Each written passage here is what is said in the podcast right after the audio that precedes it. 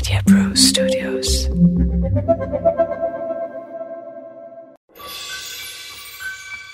भाई अगर केहू के मन में कोनो गोपनीय बात बा उ चाह रहल बा कि यह बात के केहू न जाने तो ओकरा के यह बात के ध्यान रखे के चाही कि केहू कितनो जोश धरावे उ बात दिल में दबल के दबल ही रहे Big FM Podcast. नमस्कार, प्रणाम। हम हैं आरजे चोखा और रउआ सुन रहल बानी गोनू झा के गुदगुदाते किस्से। जेमे आज हम रउआ के सुनाई कहानी, बिना जड़ का पेड़। मिथिला नरेश के दरबार सजल रहा है, सगरो दरबारी उपस्थित रहल है, गोनू झा भी रहल है, और हँसी खुशी का माहौल रहा विनोद प्रमोद चलत रहा है। ओही बीच एक गो व्यापारी राजा साहब के दरबार में उपस्थित हो गई महाराज के प्रणाम कैले के बाद बड़े गर्व से कहलें कि महाराज हम एगो व्यापारी हैं और बिना बीज आ पानी के पेड़ उगा सकीला। ई आप खातिन अद्भुत उपहार हम लेके आयल बानी। आ हम इहो जानत बानी कि रउआ के दरबार में एक से बढ़ के एक ज्ञानी ध्यानी बाणे ए हमारे सबसे पहले केहू ज्ञानी ई बता दे कि हमरा ए संदूक में का बा। अगर बता दी हैं तो आपके यहाँ हम चाकरी करे खातिर तैयार बानी। सभासद, पंडित, पुरोहित, ज्योतिष सबके ओर राजा साहब ताके लगल कि केहू तो शायद बता दे कि संदूक के अंदर का बा बाकी सब कर मूड़ी झुक गई।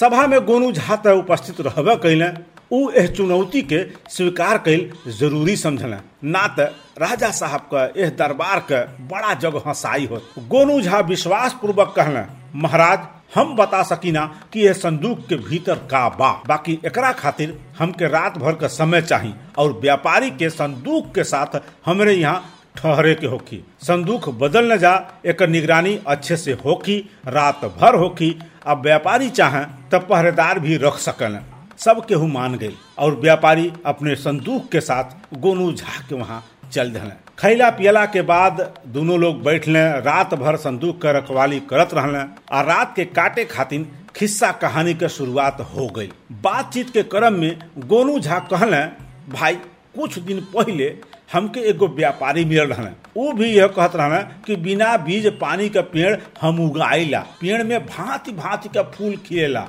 उहो राती में, का रउआ पेड़ भी राती में फूल देला, सुंदर लगेला। व्यापारी अहंकार से कहले, अरे, काहे नहीं? हमार पेड़ तो रात में और अच्छा बुझाला, खूब निमन लगेला।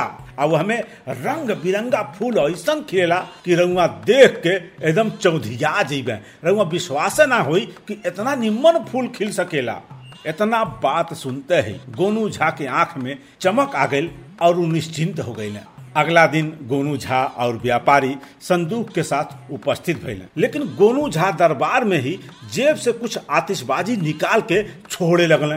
सगरो सभासद झुझला गई महाराज का भी आँख लाल पीला हो गए। महाराज एकदम गुस्सा में होके बोलने गोनू झा, ई का कर रहा बड़ा? बेवक्त का शहनाई काहे बजा रहा बड़ा? तू भुला गिला कि दरबार का का शिष्टाचार है? गोनू झा वातावरण के सहज करत का कहना महाराज, सबसे पहले हम अपने धृष्टा खातिन रउआ से क्षमा मांग रहा बानी। बाकी का करी? ई हमार मजबूरी रहल है। काहे कि यही में व्यापारी के रहस्यमय प्रश्न के उत्तर छुपल बा। यही में बिना जड़ के भांति भांति के फूल खिलेला। व्यापारी अवाक रह गई। उस संभलत का कहना महाराज ये तो हमरे गूढ़ प्रश्न का उत्तर दे दिले। फिर विस्मय पूर्वक गोनू झा से पूछले झा जी रउआ कैसे जनली कि हमें आतिशबाजी भरल बा? गोनू झा सहजता से कहले, जब रउआ ये कहली कि बिना बीज पानी के पेड़ उगेला और वो हमें भांति भांति के फूल खिलेला, तब तक तो हमें ये संदेह रहा कि यह हमें आतिशबाजी ही बा। लेकिन जब हम राति में रउआ से पूछली कि का रात में भी आपके फ़सल अच्छा लगेला सुंदर सुंदर फूल और निक लगेला आ जब रउआ हाँ कह दिली तो हमारा मन में जरा भी संशय ना रह गई कि यह में आतिशबाजी छोड़ के और कुछ नहीं बा। व्यापारी उदास हो गई राजा साहब कहले, व्यापारी रंगुआ के दुखी भैला के ज़रूरत ना बा। रउआ यहाँ बड़े आराम से रही और राति में अपन कमाल दिखा के सबकर मनोरंजन भी करी। अगर प्रदर्शन प्रशंसनीय रहल तो रउआ के ढेर सारा पुरस्कार भी मिली। लेकिन यह समय पुरस्कार का हकदार तो सिर्फ़ और सिर्फ़ गोनू झा बाण तो यह तरीके से अपने चतुराई से केहू के मन के बात निकाल के गोनू झा एक बार फिर साबित कर दिले कि वो कितना शातिर हमें, कितना चालाक हैं त ई कहानी बिना जड़ का पेड़।